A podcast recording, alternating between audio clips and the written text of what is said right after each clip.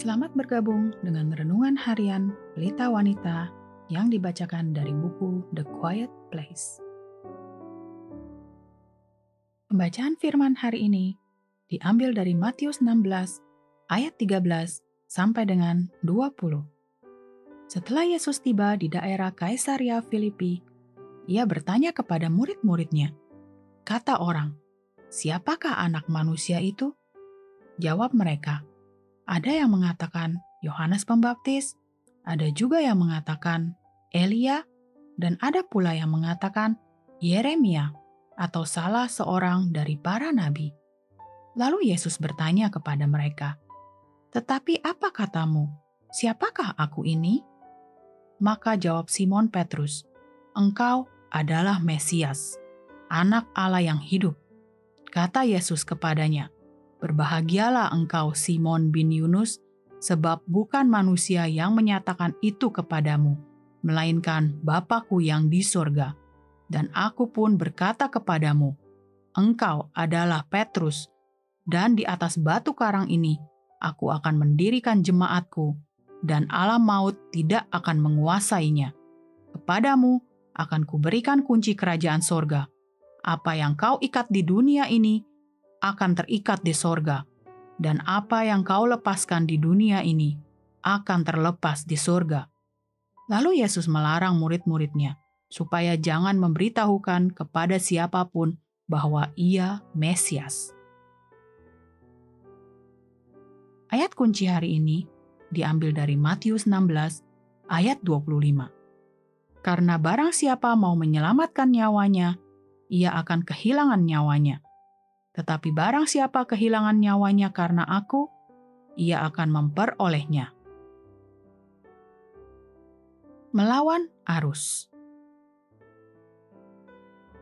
Amy Carmichael pergi ke India sebagai wanita lajang berusia 28 tahun di tahun 1895.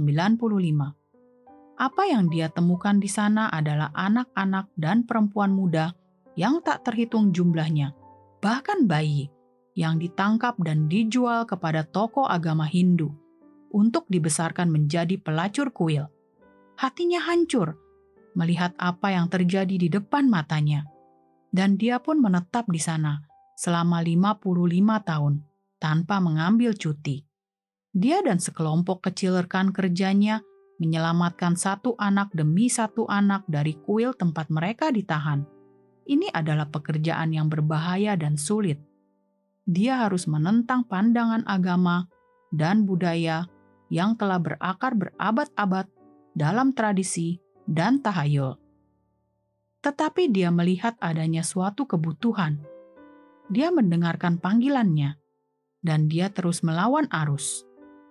Ketika saya memikirkan pengorbanan hidupnya, saya teringat akan ikan salmon yang berenang ke hulu untuk menyimpan telur yang berisi anak-anak mereka perjalanan yang dapat membuat mereka berlumuran darah dan dikalahkan oleh batu dan rintangan lain yang mereka hadapi di sepanjang jalan. Tetapi mereka bertekad untuk melahirkan, untuk memberikan kehidupan. Kemudian, setelah misi mereka selesai, mereka mati. Anda mungkin bertanya-tanya, siapakah yang akan memilih jalan seperti itu? Tetapi inilah gambaran hati Kristus, berenang ke hulu, melawan arus, dipukuli dan berlumuran darah dalam perjalanannya untuk memberikan kehidupan rohani, bahkan dengan mengorbankan kehidupan jasmaninya. Sama seperti Amy Carmichael, kita sebagai pengikutnya telah diberikan tugas untuk menyelamatkan mereka yang telah ditawan oleh musuh. Ini mungkin pekerjaan yang berbahaya dan sulit, pertempuran yang berat, berenang melawan arus. Tetapi apakah Kristus tidak layak? Dan apakah jiwa-jiwa yang telah ditebusnya tidak layak? Kehidupan yang dicurahkan untuk orang lain itu mahal harganya. Tetapi pengorbanan apa pun yang kita perbuat dalam hidup ini pasti akan diubahkan menjadi keuntungan besar di kehidupan selanjutnya. Sebagai penutup, mari kita merenungkan pertanyaan ini.